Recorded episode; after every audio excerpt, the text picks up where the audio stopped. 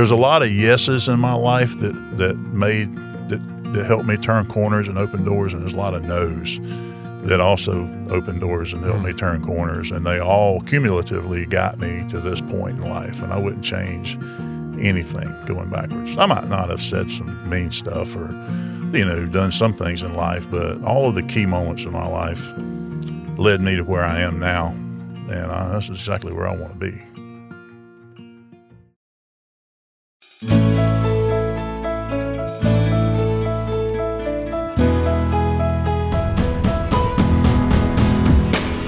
From Fiore Communications, it's How I Got Here, a show of inspiring stories from Tallahassee area leaders, business owners, and neighbors. All the challenges, opportunities, inspirations, the twists and turns of life that led them to where they are today. Everyone has a story worth telling, and I am really grateful that we get to bring a few of them to you. I truly have been changed by my conversations with these amazing people, and I'm confident you will be too. I'm Dave Fiore, and in this episode, I speak with Charlie Strickland, CEO and co owner of Talon Training Group. A native of nearby Marianna, Charlie shares his journey from the FSU Police Department and working at the family farm to building a reputation as the MacGyver of the Leon County Sheriff's Office. While climbing the ranks at LCSO, he earned an MBA from Florida State to bolster his resume for a high ranking administrative position that he would be passed over for but he turned that disappointment into a life changing opportunity that continues to evolve today. Charlie shares his thoughts on running for sheriff in 2016 and the time he was caught driving a motorcycle after consuming too many monster energy drinks. He also talks about the power of relationships and getting involved in the community, including how a trip to the Florida Public Safety Institute with his Leadership Tallahassee class led to buying the land for Talon Range. We talk about how Charlie started his radio and podcasting career, the responsibilities of gun ownership, and the impact of training more than 80,000 people to safely carry a firearm. We started our conversation talking about growing up in Jackson County. My roots there, my one side of family, uh, the Tony's Restaurants is, was this landmark, this uh, part of Marianna back to the in the back to the 40s and 50s, and my Papa Tony Primavera my mother's father, you know, was in that. I just that was, you know, sort of a given. And my other, my grandfather on the other side was in the meat business, and my dad got into farming. You know, he's a Vietnam veteran, a bunch of awards and Purple Hearts, Bronze Star, that kind of thing. And you know, I, we never, I never, I wasn't wearing members only. You know, back in the day, I was wearing the. Uh, I had a jacket. They also ran stuff, but it was. yeah. But my parents provided everything that I wanted. They worked hard. My mom was a school teacher in Sneads, and and you know, obviously there was a time they parted ways in my teenage years, and mm. you know, as happens. But you know, I was from a loving family. Everything was good. I have a lot of great childhood memories. I've got a brother lives here in town. He's an attorney at local law for a statewide law firm. You get to a point where you look around and you you have a strong work ethic because as soon as I could reached the clutch pedals on the tractor, Daddy quit taking me fishing and started putting me to work. Put you to work. Yeah. And so I was the one. I've got a work ethic that comes from that. And yeah. it's just it's. But you know, I never really had. I wanted to be a lawyer, then I I didn't, and then I wanted. So why did you want to be a lawyer? Well, my uncle Herman was head public defender over there, and Herman uh, was president of Cattlemen's Association, lived on the big hill, bought all this land. He was very, and he is still one of the more successful people in that area, and he was my uncle, and that's where we went to the. You know, I I, I wanted to farm like Daddy. Um, I wanted to teach like Mama. But you I wanted, wanted to, stuff. but I wanted to have a lot of money like Herman, and so I wanted to do it all at once. And yeah. and you know, it just. But when I sort of bumbled my way through college at FSU, my grade point average wasn't that great, so while I took the LSAT and did quite well on the test, I just didn't have the grade point average as a non as a traditional student. Right. And while I got accepted into some law schools elsewhere, I just didn't want to leave. And by that time, I had stumbled around just looking for insurance and benefits and retirement, and ended up in law enforcement as a default. I used to run around from the police trying to hide from them, and you know, do stupid stuff like ride golf carts around the city of Marianna, hiding from the police, and you know, when my buddies chasing me and doing stupid stuff when we were in college. So you knew where to look when you became law enforcement later, right? Uh, there are people who serve their whole career in the sheriff's office and police in different places in law enforcement that I had over a barrel earlier in their lives and and and look decided to give them a break because I had been there, done that. Yeah. And went, you seem like a good guy, good kid, or whatever, and and Just knock it off, right? Let's let's let's let's pour that out, or let's do this, or let's do that. Yeah. And they ended up in this career following suit, and they worked for. I, I know one in particular that worked for me later on. Yeah. And uh, So what was it like at FSU being a uh, you know, on the on the FSU police force? Well, if I heard once, I heard a bunch of times. So why are you taking me to the real jail? Aren't you just an FSU cop? Yeah, just an FSU. Like, yeah, well, you well, you didn't commit just an FSU crime, so Right. it was. Uh, I mean, you know, we we got involved in a lot of stuff. So We you were have- back on the golf carts then. We you were on the golf carts. Yeah. Yeah. That's where I was fixing to say. We Yeah. were on the golf carts. There's stories about us, you know, doing things on golf carts that should not be done on golf start carts on the midnight shift, and and um, and actually, uh, there were a few of us, um, Randy Hunter and I, and a couple others uh, that started pulling bicycles out of evidence, and that were you know had been recovered or seized and were going to be auctioned or destroyed and started riding bikes around campus. That was the first bicycle patrol. Okay. It was before Tallahassee Police Department started their bike patrol. We were using, um, you know, whatever we could. I remember riding this chrome, you know, mountain bike around campus, and we we showed up with shorts on one time and an FSU T-shirt, and Chief Tanner's like, "Oh, where'd you get where?" Who authorized that? like, well, I kept getting my polyester pants caught in the, the, the bicycle chain, Chief, and you know those pants are expensive. I just figured this is a better solution. Well, that's, that's probably a good idea.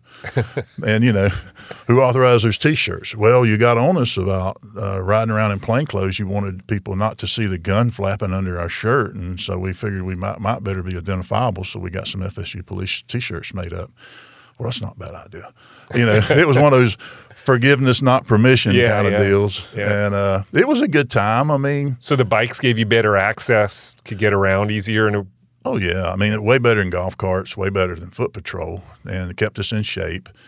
And uh, you'd you'd ride right up on people smoking weed at you know outside a fraternity or somewhere, and you know I've I've I've eased up right in front of the main gate. Um, on the concrete steps out there on one of those little walls that all the sororities and fraternities paint up. yeah, and, yeah. And pulled up next to a young man, a young girl, just sitting there smoking weed. And I pulled up and sat on the sidewalk ne- on a little wall next to him. and Said, "How y'all doing tonight?" And uh, it's pretty good, man. You want to hit? And tried. I'm like, uh, yeah, no, man. I'm on duty. Huh? I showed him the badge, and he's like, "Man, that sucks." so, I mean, you know, it was a good time. We worked. I mean, we arrest people for armed robbery coming out. You know, we a lot of people don't understand what goes on, but it's you know not to frighten anybody's kids go there. But if if you know uh, when people go, I'm sending my kids, and I said, okay, where are they going to live? Which co- which school are they going to? Because there's a lot of things they need to understand. It's not a dangerous place by any means, but it's certainly a place to be careful. There's And stuff the- and- going on. and the FSU police are real cops, Right. And they do real work. They they have some slow times, but it was a good time. I, I finally left to go to the sheriff's office because they told me if you're going to do the if you're going to do the kind of work you're doing, you need to go work for the sheriff's office. And TPD wouldn't hire me, um, but the sheriff's office snapped me right up. Why wouldn't TPD hire you? I I don't want to say anything unpopular, but at the time, if you looked like me, you had to have a 3.5 GPA in criminology or more and a bachelor's degree um, in order to be competitive. Okay. And that was what it was. Expl- that was what was explained to be my some of the people doing the background checks and entry. You know, were, were the gatekeepers Okay. and said, Charlie, you're just you're not cut out to work here uh, right now. I, I knew every. I mean, I, I could have stepped right into the role. I knew their people. I knew their policy. Yeah, it's just one of those things where. Um, But you sheriff- fit in better with the sheriff's office. Sheriff's office picked me right up. I walked in, uh, got introduced to Under Sheriff Larry Campbell, and was told in that first meeting that I was going to get a job, but I had to go through the oral board process. He said, "You've got a college degree, yes, sir. Do you want to come work here? Yes, sir. You're willing to take about a three or four thousand dollar a year pay cut? Yes, sir. Why? I said, I want to work for a real law enforcement agency. I'm tired of working on 400 or 500 acres. I want to, Yeah. you know, if I'm going to do this for a living, I want to do it. Plus, I w- I've watched the SWAT team rappel onto rooftops and stuff around here, and, he's and I really want to do that. And he goes, okay, well, when do you want to tell them you're coming to work here? And it was just that quick, and uh, and it was probably the there's a lot of yeses in my life that that made that helped me turn corners and open doors, and there's a lot of nos that also opened doors and helped me turn corners, and they all cumulatively got me to this point in life, and I wouldn't change anything going backwards. I might not have said some mean stuff or you know done some things in life, but all of the key moments in my life led me to where I am now, and uh, that's exactly where I want to be. So Yeah. those those career moves, you know, I tell young cops, young people in any career now, if you know, if you didn't get that bank loan or you didn't get that promotion or you didn't get this, it's probably meant to be. Mm-hmm. Um, I was going to say that's a great way to encourage younger people to saying, "Hey, this isn't the disaster you might think it is, right? Yeah. Because it's going to lead to something." And I had people tell me it's just not your time right now. Mm-hmm. And I had worked my butt off to get to the point where I felt like it was. And it wasn't. I mean, when I finished the law enforcement academy in Jackson County and I was standing there at the graduation, uh, John McDaniel, the sheriff there, who was his daughter, Michelle, was married to Larry Campbell, um, my sheriff later in life. And um, he said, I said, Sheriff, he goes, well, what can I do to help you, son? I said, well, Sheriff, I graduated academy. I'm one of your reserve deputies. I'm ready to go to work. He uh-huh. goes, well, how much time do you have to finish your four-year degree? And I said, I got about 20 hours, something like that. And he said, well, you go on over to Tallahassee and get your degree. And when you're done, if you still want to come back here, I'll hire you. But I'm not hiring you until you go finish college. And I said, nobody, not, there's very few people in your agency have a degree. Why do I need a degree? He goes, no, because you can, and I'm not going to hire you. I can hire somebody else. I'm not going to hire you because you have the potential to do more. Right. And that just, you know, I, I knew he was trying to do the right thing, but I was mad and I was hurt. And he was right. Hmm. And so I, I got a job at FSU Police and finished my degree. And in '94, when I left Leon County to go back to Jackson County to help my family out, because I needed to go home and take control of the farm, and I needed to help, you know, with some situations over there. He hired me right off the bat to go back home, and he said, "You did what I asked, and love to have you here." A year later, everything was squared away. I want to come back to Leon County. He said, "What can we do to keep you?" And I told him, and he said, "That's those are all great ideas, but we're we're not there yet." Right. And uh, you know, so I came back over, and uh, Larry Campbell uh, and Sheriff Boone brought me right back into the fold again and put me right back to work like I'd never left. Arguably, I probably missed out on a few moves that because of my longevity, but I never. I mean, I, I went back in my 40s and got my MBA from FSU because I wanted to be the chief financial officer for the sheriff's office because I knew Okay. that Major Scott Bakotic was leaving. And it took me two and a half years to go to night school at FSU and get my master's in business. And then after I got it, I, Scott decided to leave. And they announced who they were going to hire, and it wasn't me. And I went to the sheriff and I said, Boss, uh, I just meant, you know, I went my first night to class when my current wife of 23 years now was at the hospital having my third child, her 1st, and I left the hospital to go to my first college class to, to work on my MBA when I was 40. And she made me go. She goes, "If you don't go, you're not gonna, Right. you're not gonna go." And I said, "Okay, honey, I'll, I'll, I'll leave if you make me." And went to class. But then I went to the sheriff when I heard who, what was going to happen, and I said, "Boss, I just went to, I want that job. Yeah. told you I want the job." And she said, "Well, we'll do an oral board, and we'll interview some people." So they did. And from the people on the board, they said, "You did really well, Charlie, but he's still hiring the other guy." And uh, you know, there again, I was heartbroken because of all the time and all the Yeah. effort and all the things I had put forward at that age with you know th- then three kids. You made sacrifices. Yeah. Yeah, and I'm like, why? Why? You know, it's not fair. It's not fair. I, I didn't get that, but the sheriff in that after the oral board and they made the announcement, I went in and sat down with Sheriff Campbell and said, "Boss, what's up? I mean, did I, what did I do? And he goes, it's, listen, I can get somebody to balance my checkbook. You're running my SWAT team. You know, I'd been through the SWAT team, worked my way up the chain. He goes, you're running, I need you making those decisions out there. You're critical to me there. I need you there, not in here. He said, you're really not that. Yeah, I know what you can do, but what I need you to do, what the agency and the county needs you to do is to stay over there doing mm-hmm. this. He goes, Is there something else I can help you with? And I said, Well, just so happens that my best friend JD and I are trying to build a gun. I said, You know, I've been doing some firearms training. He goes, Yeah. I said, We want to build a gun range. And he goes, Well, what do you need? I said, I need an investor. Hmm. I need about a two dozen investors. We need to borrow money because cops don't have resources. The bank will back us uh, with an SBA loan. At the time, it was a credit union we were using, but we need the down payment. And he goes, "Well, how much do you need?" And I told him, and he wrote me a check for twice that. Wow! Handed it to me and said, uh, "I believe in you. I just you you are destined for certain things." Right. And uh, so, how do you feel at the time? I mean, I know you were disappointed, but did you accept that maybe you could be you were where you were supposed to be? when we I was at the sheriff's at that point when I knew I wasn't getting that promotion because that would have gone from sergeant to major.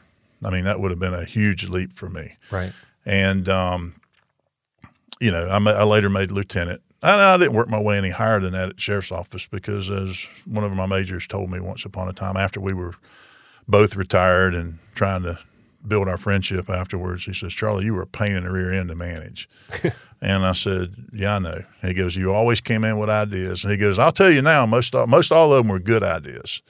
He said, but we didn't want to hear them. It wasn't the time, you know, and, and, and you had access to the sheriff because I was the armorer for the agency and I could walk into the sheriff's office at any point in time with – pretty much anything I want to talk about. And I right. had direct, I had a direct line to him, so I had some insight, and I was able to give him some insight. And it some of the people didn't like it. I do want to ask this question. You mentioned being the armorer for the Leon County Sheriff's Office. I don't know what that is. What what is that role? Okay. So most agencies that can afford to have dedicated personnel, there's always somebody responsible for the guns. Right you know, even even Navy SEALs have to go check out guns. There's a guy behind the cage in the movie just handing them everything. Right. You know, that's an armorer. Okay. Um, an armorer is typically certified to work on firearms. It may not. It's not a gunsmith. They're not like cutting off barrels and stuff, but they're taking things apart, putting them together, maintaining, replacing parts, diagnosing malfunctions. When I I got a call one day and said, "You're you know," I thought I was getting promoted, but I wasn't. Uh, so I was still a deputy, and they said, "Hey, you know, you've got they they ragged me on the SWAT team because I was always like working on things. I'm very mechanically inclined. Okay. Like I grew up on a farm, limited resources. Yeah, you got to figure stuff out, right? Figure out how to fix it with duct tape and baling wire, you know that kind of deal. And um, except it was electric fence wire and stuff like that. But uh, you know, you, you're trying to figure things out, and I sort of earned a reputation in the agency of being the MacGyver on the team. You know, we needed something. I was like, well, see if Charlie can make something. And there's funny stories, uh, different uh, different apparatuses that worked and didn't work. And um, I was, you know, sort of the I forget what that little uh, that little cartoon is where the little stuff comes out of his hat and does all that stuff. I would. Oh yeah, uh, Inspector Gadget. Yeah, Inspector Gadget. Yeah. I would create things and I go, hey, this is going to work. And, eh, sometimes they did, and sometimes they didn't. I'm, so a quick story: we had. Um, we want to create something where we could put flashbangs, distraction devices. You see them in the movies. They pull the pin, they throw it in. It's not a fragmentation grenade. It's loud, makes a bright flash. There's a, about four pounds of overpressure, concussion, and you know a, a, lot of dBs of sound that's supposed to distract you, so that a SWAT team can make an entry into a room. Yeah. But we did. But throwing it into a room sometimes is dangerous because there's there's kids in cribs and there's different things you have to be able to see what you're doing. So Gene Revel, who was our commander at the time, says, you know, can we make a, a device, a, a, stick where you can put a flashbang on the end of it and activate it on the stick? And I said, absolutely. I went and bought, went to Lowe's, and I'd walk around Lowe's for hours with a project in mind. Still do it today. And I got a piece of pipe and I ran a cable down inside the pipe and out, and I made a loop on the end of the cable with a trigger so you could pull it and hold it. And I made a, a piece of metal, uh, angle iron on the other end that would hold the flashbang. And you'd clip on the flashbang, tighten it up with some some uh, uh, uh, uh, hose clamps, and um, look just and you stick it in a window and pull the pin, it'd go boom, but you still had control of it. You break the window with it, stick it in the window, boom, pull it back out. And, you know, the risk to injury was much small. It's probably still in one of the vehicles at the sheriff's office now. Yeah. And so I also decided to go one step further, one one on an extension pole that goes up in the air. And, you know, so we could get to the second floor. Yeah. And I couldn't figure that one out. So, but I had a prototype. And so we got out SWAT training one day, and Gene says, uh, "Hey, let's demonstrate that uh, that that bang stick." I got it out. We set up in front of the old storefront there, an old vacant building, or just the front of it, like an old cowboy front. And we got in this, this stick, you know, line of us, and I reached around and stuck it in the door, pulled the thing, went boom, flawless. He goes, "Man, that's awesome. Let's see you use the other one." I said, "Boss, that one's not really ready to go yet." He goes, well, let's see what you, see if you can make it work. Well, I didn't have the cable thing because it had to be extended, figured out. So I had some some string, some uh, parachute cord, same thing, but I had it coiled up in my hand and I had the stick. We got it. We got up there. Had the pole in my hand, got in the stick. I extended. It came time to team leader and control execute, and I extended the pole. You know how a painter's pole, you just Yeah, twist yeah. it and extend it out. Well, I extended the pole, but I held on to the string. So it set it So off. it pulled the pin. And now the flashbang is literally a foot in front of my face. And I heard it go tink. I never heard it go tink before. And I looked and I saw the little striker had gone over. I said, and it shoots all the flames out two ends of it. And I went, that's not good. And there was another deputy in front of me, and there was a deputy behind me, and I couldn't do anything with it. I threw it straight up in the air, right above my head. And I heard it go boom. And I felt heat coming down on me from the flames. And I'm like, whew. Everybody, I, I turned around, I looked at Mike Halligan in front of me and Shannon Black behind me. Are you okay? Are you okay? Are you okay? Everybody's okay. All right, great. And then everybody, the whole team walks up and, and they said, What happened? And so I squatted down to pick it up and show them what I had done wrong. And I heard a couple of them start to chuckle. Well, I had these eye protection, our goggles on, and then there's this big fat strap like a ski, like people skiing, where this big fat Yeah. strap goes around my head, but I didn't have a hat on or a helmet, which I should have had on. Well, apparently, uh, and so my head started kind of stinging a little bit, and I, I rubbed my hand across the top of my head, and I looked at my hand, and I had hair in my hand. So the what, Caught on fire. What had happened was I melted the hair off the top of my head. Um, kept my eyebrows and my eyelashes, but the hair on the top of my head, as you can see here, it's all still gone.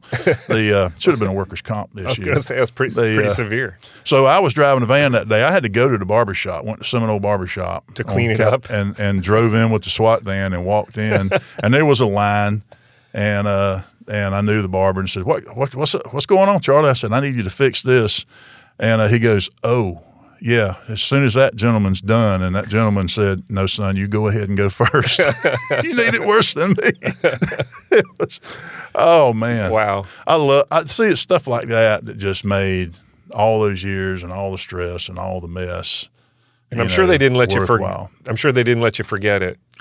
Uh, for a while. no, no. and then I, I, I still tell these stories. There's so many of them. It's obvious, Yeah. and that's you know just. But a culmination of things like that, and all the great cases we made. I mean, I, I went as far in the sheriff's office. Had I stayed when I hit 25 years, had I not decided to run for sheriff, um, I would have stayed another five years, went in the drop program, and would have arguably been there with all of my peers, you know, at captain, major chief. That's something I would have done something under the new sheriff. Um, Well, but that's talk. not the decision I made. yeah, let's talk about that. You running for sheriff in 2016. Um, what led to you wanting to run for office? Well, we all knew Sheriff Campbell's health was not good, and he was had made the announcement he was going to retire. Um, I'd always want to go back to Jackson County and run in my hometown, um, which I will not do as long as the current sheriff's in office. I love him to death; he's doing a great job. And um, but I, I, some things had happened. Um, I had and, and I had done other things. I went to the, the leadership Tallahassee uh, class twenty nine. It was the greatest class ever. I'm sure And um, they all are. the uh, no no no just us and um and I'd gotten to know some people, which is how we started our range and did things, and and the networks that were built in this community through organizations like that. Right. That that class introduced me to so many people, and the networks that I was able to build and the conversations I was able to have with going back to school and getting that degree in the end and getting to know the people that I knew, just a long list of people that were in key positions and then meeting their friends. And all of a sudden, I was able to go pretty much anywhere in town and I'd know somebody. Right. And that was awesome. But it also built a confidence level and it built a knowledge base that I hadn't had and was able to see things from a different perspective. You know, that's why you never stop. You never just say, okay, I'm good with what I got. You just keep, you know, pushing, pushing, pushing. And, you know, we knew that uh, my friend Mike Wood was going to run and um, that uh, the Walt McNeil was going to run, and we knew Tommy was going, Tommy was going to run again. The main race was going to be in the Democratic primary, and in talking to some people, we knew that the polling was not, you know, it, Walt McNeil was going to carry the Democratic nomination. We knew that. And I I talked to Mike years before, say, hey, when you get ready to run for sheriff, you know, I support you, but you need to run as something other than a Democrat. So I ran, and my goal was not to go toe to toe with Mike or toe to toe with it. It was to see who came out of that. Mm-hmm. And whoever came out of that, then I would be running me against one person. And I want I wanted to carry Sheriff, Camp, Sheriff Campbell's legacy forward. You know, he had cancer, he passed away. I sat in my driveway in tears for a long time when I heard that out. When I heard mm-hmm. that because he is one of the most influential people in my career. The the day of qualification, I had all the signature cards. So did Mike. So did everybody else. And I'm assuming that you know they they went to looking at the polling and saw where things were and decided, you know, for whatever reason, everybody except Walt jumped in as independents. So now we had three independents running. So we were all going to go to the final race which was not my Mess, game plan. Messed up your plan. It was not my game plan. And our consultants told me, Charlie, you, you, you don't have a chance. If you stay independent, you don't have a chance because you're just going to fall into the crowd. If, if, I said, well, I'm a registered Republican, I can switch to the Republican Party today as long as I do it by by filing time.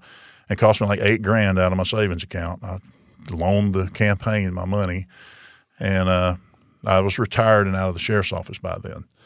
And um, I went down and I, I paid to file and to switch uh, to qualify, which you know really really sucked. But they said you know uh, there was a good chance, depending on how people interpreted it. It didn't work out.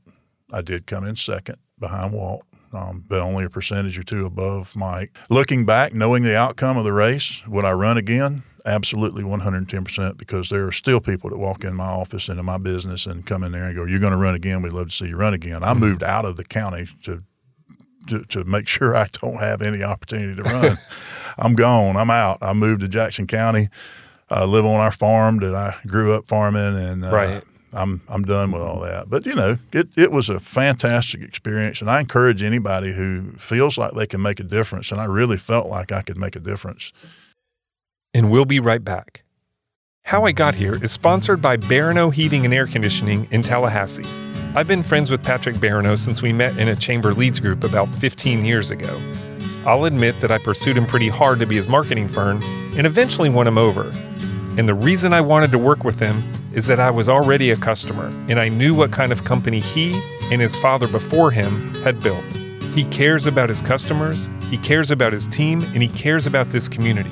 I've experienced Barano Heating and Air when they installed a complete system replacement a few years ago, and I enjoy peace of mind and same day service with my Total Comfort Service Agreement. I've also been behind the scenes at their office and seen firsthand the true character of this company.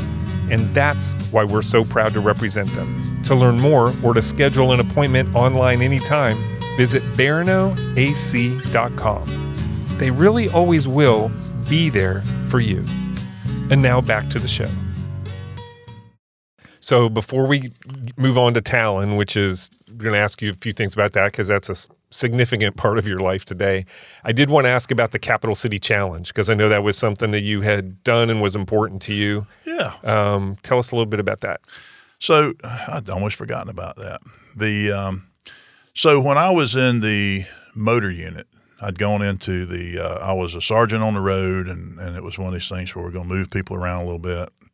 And they said, we're going to put you in the uh, special operations section. And I'm like, well, what does that mean? I said, well, it's in the traffic unit. Yeah, there's two sergeants over there, and one of them, they're both on motorcycles. And so I got the opportunity to go into that unit as a sergeant along with uh, co-sergeant uh, David Fremmel, go through the motor school, compete in some motorcycle rodeos. Um, you know, there's little slow speed cone riding stuff, which is what the Cap City Challenge was. Had you rid- had you ridden a motorcycle much before that? No, I never ridden a motorcycle before. I, I went and bought one and went through uh, uh, Al Wofford's motorcycle school over in Jefferson County at the time and, and got my, my endorsement and bought a motorcycle, much to my wife's disappointment and several threats to leave me.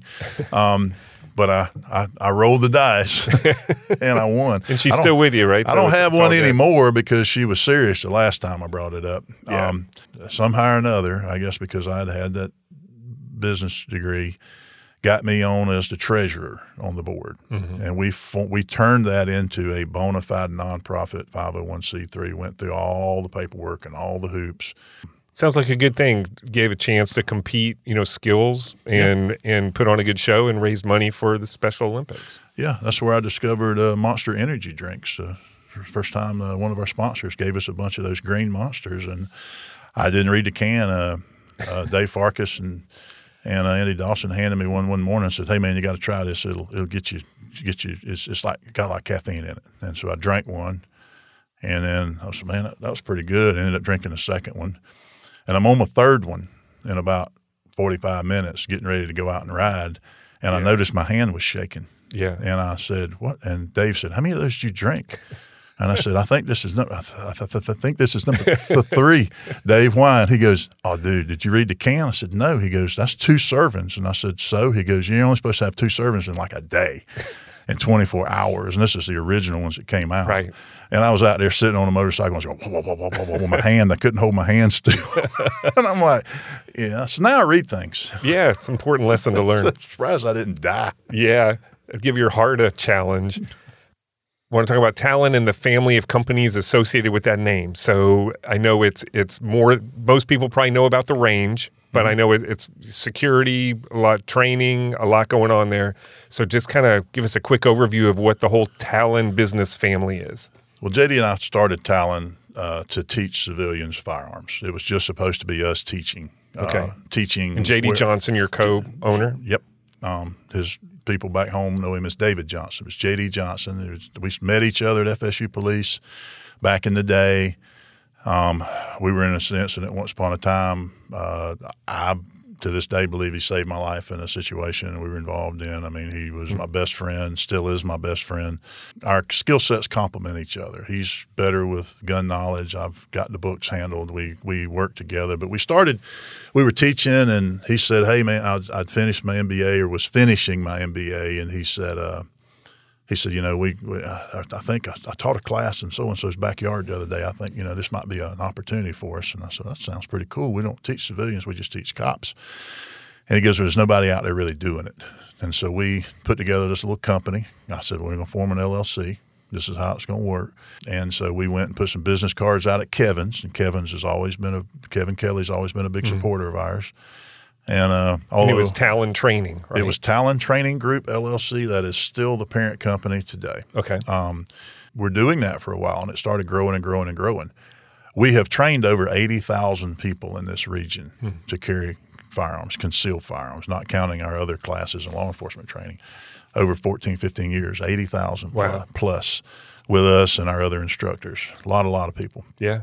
And then we decided at some point to build a uh, a gun range, and I just talked about that earlier. You know, we went around, found investors, and did a business plan, and I actually found the property going to the Leadership Tallahassee Public Safety Day out at Pat Thomas. I'm in there with J.R. Long, and was, he said, "Aren't you trying to build a gun range?" And I said, "Yeah, J.R." He goes, "Why don't you buy that piece of property?" Coming off the interstate, coming off Midway, the interstate, and right? I said, "We could never afford that." He goes, "Oh yeah, you could," and um, so. Uh, that's why we're there was because of that trip, because of LT twenty nine. Your way to Pat Thomas. Absolutely. This, wow. uh, this is how all these things come together over yeah. time, and you just don't know why. You don't know at the time, but that's you, you, just have to be open to them and, and work the networks and never turn an opportunity down. So, did you know anything? I mean, building a gun range, it's you have to know what you're doing, right? I mean, you got to keep people safe. I googled it.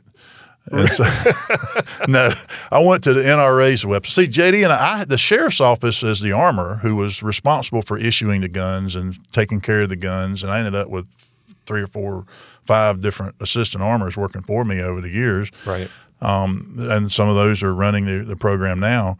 The sheriff would, I would put in, hey, I want to go to SHOT Show in Orlando you know, or a shot show in Vegas, or I want to go here or there. I need to go to this school, that school, this networking. I need to go look at new sniper rifles for the agency. And so he would send me to do those things. Well, I can't help that knowledge is in me. I get to use it for whatever I want to. I use it for the agency, but then again, that's how most people in their retirement end up as being consultants and whatever is they did something, and they took sure. that information and they turned it into a career move. Yeah. We're doing the training with civilians. It turned into the range. We bought the 2.8 acres there um, between Peterbilt and the hotel there on the off ramp at 192 and started, went back and found another round of investors or lenders, which they're all paid off now, um, except for like three or four that are really close to us. A uh, year and a half ago, we had a gentleman up in Dothan who had been building a range in the same time we were building our range. He was building one. He wasn't happy with the offerings in that region. He offered it to us at a very fair price. We bought it and we finished it. Uh, we now have a pro shop up there. We class three dealer. We do all that in Dothan, just like we do here. Our area of expertise is more or less training, self defense weapons, guns, some hunting stuff. But you know, everything from thermal to silencers, and we do a good business in both locations. Uh, the Dothan one is growing.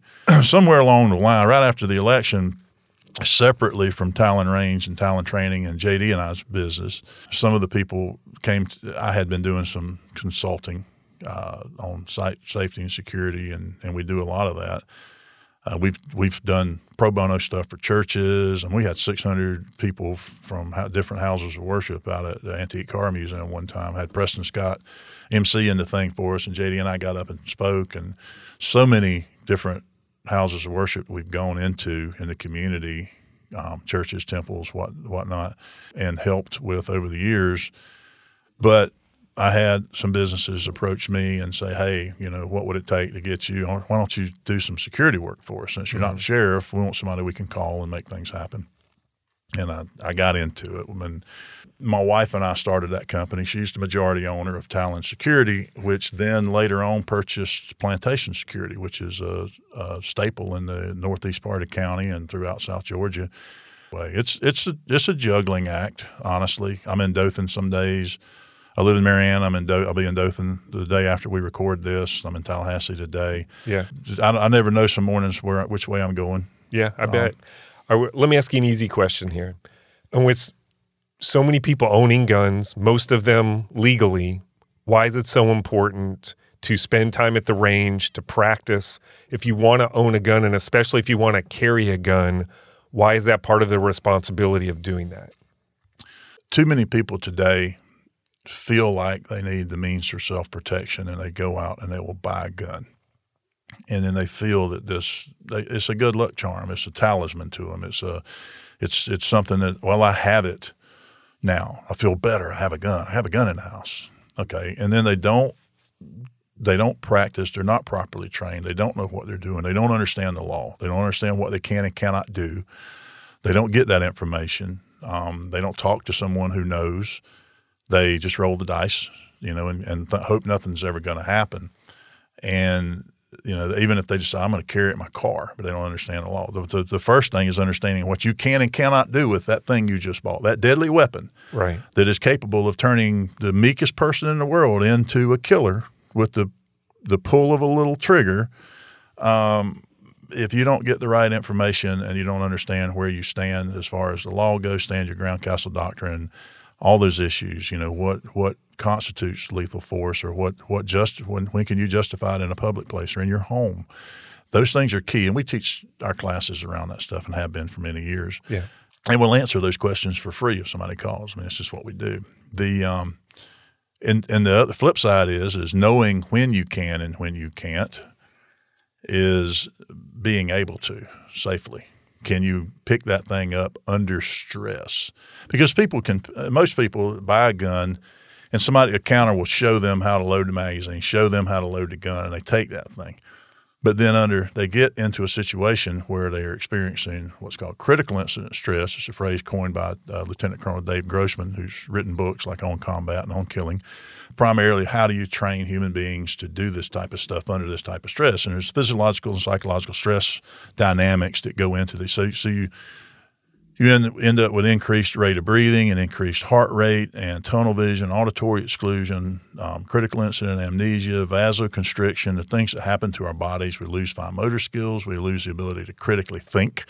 Um, we react. We're Right. using the limbic portion of our brain, the midbrain, not the forebrain, not the conscious thinking portion. That that part of the brain takes a time out and just turns it over to our autonomous system, basically.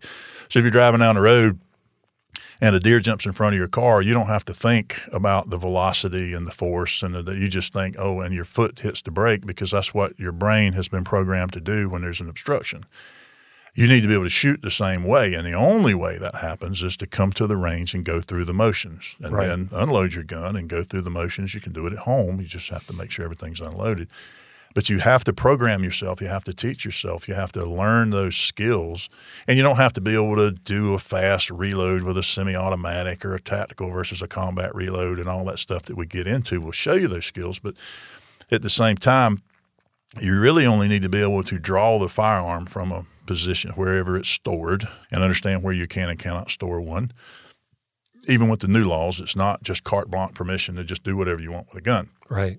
I always use this phrase just because you can doesn't mean you should. I go back to what I said earlier about law enforcement. I can't tell you how many people I could have shot, you know, and, and been totally justified. Grand jury would have cleared me, but we, we roll the dice and we take that chance and we hope it works out for the best because, you know, it's just not the right thing to do at that time. Although it's legally justified doesn't Right. mean it's right. And Right. you know what we're trying to do is to build a protector class of people who are able to protect themselves and the people around them. That's great. You mentioned your wife, Donna, Mm-hmm. But I want to just kind of talk about her a little bit because I know Okay. she's an important part of your story. Right. So, how, Go ahead. all right. so- She said, "Don't talk about me." all right. Well, how, how did you guys meet? So my wife Donna was a well. I think the first time I probably laid eyes on her, she was uh, in middle school or high school, walking across the street at Florida High, and I was an FSU cop. There's about nine years difference between us, nine and a half.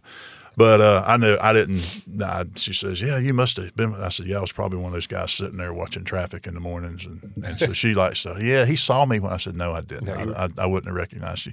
But we met. She was a, a relatively new dispatcher at the sheriff's office Okay. um, in the communications section, and I was a property detective, brand new detective, just coming in off the road. Met her in the hallway, and I said something gruff to her, poking fun at her, and she didn't like it. And and then she came into dispatch or the, the brought some printouts upstairs to our behind my desk, and I ragged her about what you don't have anything for me, and so yeah, it, it was me being a smart butt and her her saying who is this idiot and and as time went on, I wore down, and um, So, not exactly a love at first sight kind of story.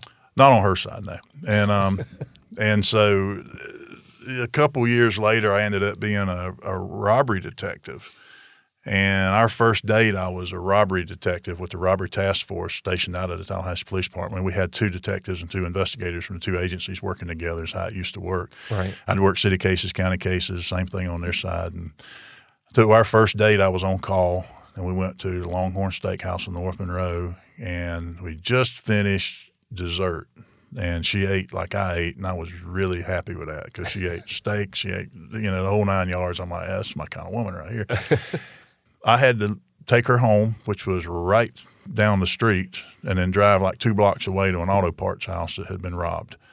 And uh, that was our first, and we ended up solving that case, and um, that was a good sign. Her roommate, uh, as a, we're recording this show, her roommate at that time is retiring from the Tallahassee Police Department today. This is her last day in uniform. Wow. we dated for a while and you know within a year we were getting married and and she was made a great mother to to her stepchildren my first two children. And then years later we had a couple more. I've got a 14 year old uh, excuse me 15 fixing to be 16 next month year old daughter and a uh, my son just turned 12 just you know, I, I've been so blessed, and she's stuck with me all these years. And being in law enforcement and dispatch, and she's she got hired out of. She went to the CDA over there when they formed that thing, and then went back to the sheriff's office um, as to work in special operations, which is where I used to to work. And she got hired out to go back to Jackson County and work somewhere else doing something else. And she doesn't like me to talk much about what she's doing nowadays, but it's a cool. It was one of those things where, honey, you can do something with your career and really cap it off and do something that you can be proud of and make a huge difference for people, mm-hmm. or you can stay over here and keep doing what you're doing. And she chose the challenging path. Um, and is making a real difference. And I'm very proud of her for doing that. And, you know, I love her endlessly. And, you know, it's, uh, and I am no easy case. I'm, I'm not, you know, I'm, I'm a tough one. she when she's out of town, I kind of like, I don't need to hang out with people because I need my wife here to keep me straight, just to keep me from being a butthole. Yeah. All right, well, we're getting close to wrapping things up. I did want to acknowledge you mentioned it earlier, but you're also a fellow podcaster and a radio mm-hmm. personality, right? So uh, tell us about that part of your life. I you probably did not imagine yourself doing that at no no uh, preston scott reached out to me before the election before any of that stuff when i was just we were doing the training thing and right. he reached out and said hey how, would you be interested in coming on my show and talking about some personal safety issues on, on, on Wednesday? And I said, sure. I was honored. Preston was a guy that when I'd go to sheriff's office back in the day, the bosses were like, "You could hear what Preston said this morning? I can't believe. Oh man, what are we going to do?" And they were trying to formulate a response to right. what Preston had talked about, yeah. some critical issue, and oh, we need to get some guys out there. We need to slow traffic down because we need to do this, we need to do that. And so I was. I don't know who this guy is, but apparently Somebody he's steering listens. policy in this organization, and, and then to get invited to go up there, and man, we just hit it off, and um, it turned into a uh, every other week thing and has been that way for a long yeah. eight years or longer nine years ten years. It's been a long time. At some point in time I, it got to it was overwhelming for me to try to be there all the time. JD JD was JD got involved. And so now they get two different perspectives. And so we split it 50-50 um, somewhere along the way. Uh, they approached us. Uh, Dale Bessie, one of the sales guys up there, came to us and said because we were doing some advertising for the range, right? Which we weren't big believers in in radio or uh, in audio. I just didn't believe into it until we got into it. Now we do. But it was they said, "Why don't y'all think about having your own show?" We're like, yeah, right. That's not uh, the what, what, now? Really? You, you think that might be a hit? And says, yeah. Well, we've got this spot where people are listening to something about computers or something on the morning. And I said, Yeah, I hear that every now and then. I just switch channels. He goes, Yeah, that's the deal.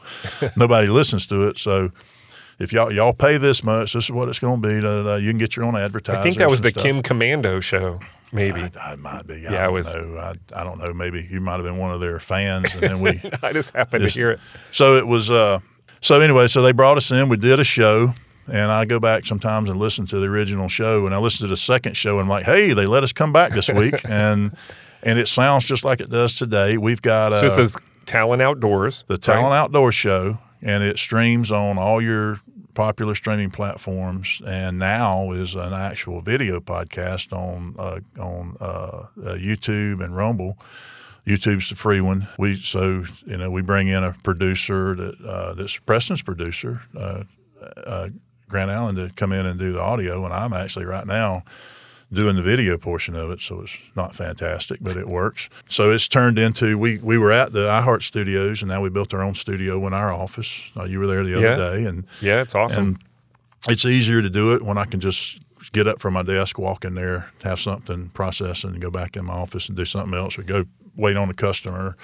And uh, get everything uploaded on Fridays. We record on Fridays, and the show goes out on Saturdays. And there are 340 episodes as of right now um, that are out That's there great. on the streaming platform. And it, we talk about everything from fishing, hunting, guns, Second Amendment rights, conservative politics. So if you're not into good old boys talking about conservative issues, you don't want to listen to our show.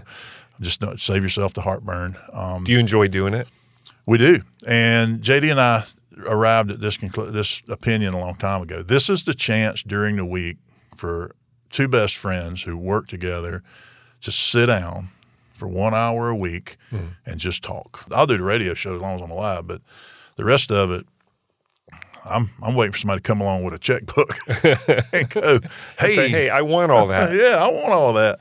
Hey, uh, but in the meantime, it's you know we're, we're we're trying to do what we can to be part of the community. There's there's you know, and anybody out there listening, we'd love to talk to you about anything, any concerns you have. You know, most of it doesn't cost a dime just to talk to us. Right. Awesome. Two final questions. All right. One is uh, Charlie, looking back, what is one person or thing that has changed the trajectory of your life to this point? I can't say one person or one thing, but I will tell you, like I said earlier in the show a couple of times, being told no is a key to my success. The, the, taking the nose and rebounding and picking a different direction and staying on the path. It might not be the path that I prepared myself for. It may not be the path that I predicted or that I even wanted. Right. But when I'm told no or I reach an obstacle, then you can let it destroy you, or you can just just keep on hustling. You mm. know, and that's that's the that's the philosophy that got me where I am today. Whether that's whatever your opinion of that may be, I am where I am because of that philosophy. I didn't always know it, but those no's are key. You know, there, there's doors open all the time, but sometimes the closed door is a clue, and you just gotta you gotta figure out what that means to you. Yeah. All right. Final question. The podcast is called How I Got Here. Mm-hmm. So we talked about how you got to this point in your life. Where do you think here might be for you in three to five years? I don't I don't want to be when I'm 57. When I'm in my 60s, I want to see the window close, the door closing on some of the things that I'm currently doing. Pass those on to people who have the energy and the drive to continue those. Like I took over businesses from people who wanted us to honor their legacy. Right. Yeah. JD and I are kind of in that same boat where we're looking down the road at who wants to take our legacy and build from that and um, let us go fishing Yeah. or hunting. And um, and the same thing with security business. That's something that's a little more personal to me. Uh, that I, I wouldn't mind starting a completely different business that would be more local to where I live, maybe something that deals with family entertainment or something different than what I'm doing now.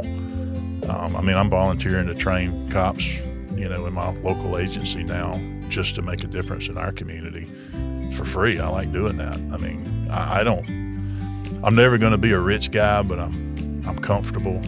I just want to, you know, I want to find ways to make a difference. And I don't know what that's going to look like. It's, it depends on what doors open. But uh, yeah, I mean, I, if I'm still doing this in 10 years, that's cool too. I mean, but I'd really like to be thinking about. I retired once. I'd really like to think about retiring again. You know, in the in the coming half a decade or so.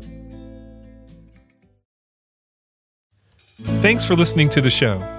You can subscribe at Apple Podcast, Spotify, or wherever you get your podcasts.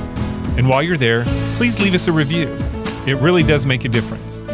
Thanks to my amazing staff at Fiore Communications, who pick up the slack while I'm working on these podcasts, and to Troy Bloom for composing our theme music. You can hear more of Troy's creations on Facebook and Instagram at Troy Bloom Music. To connect with the podcast or suggest a future guest, follow us on social media or email us at podcast at fiorecommunications.com.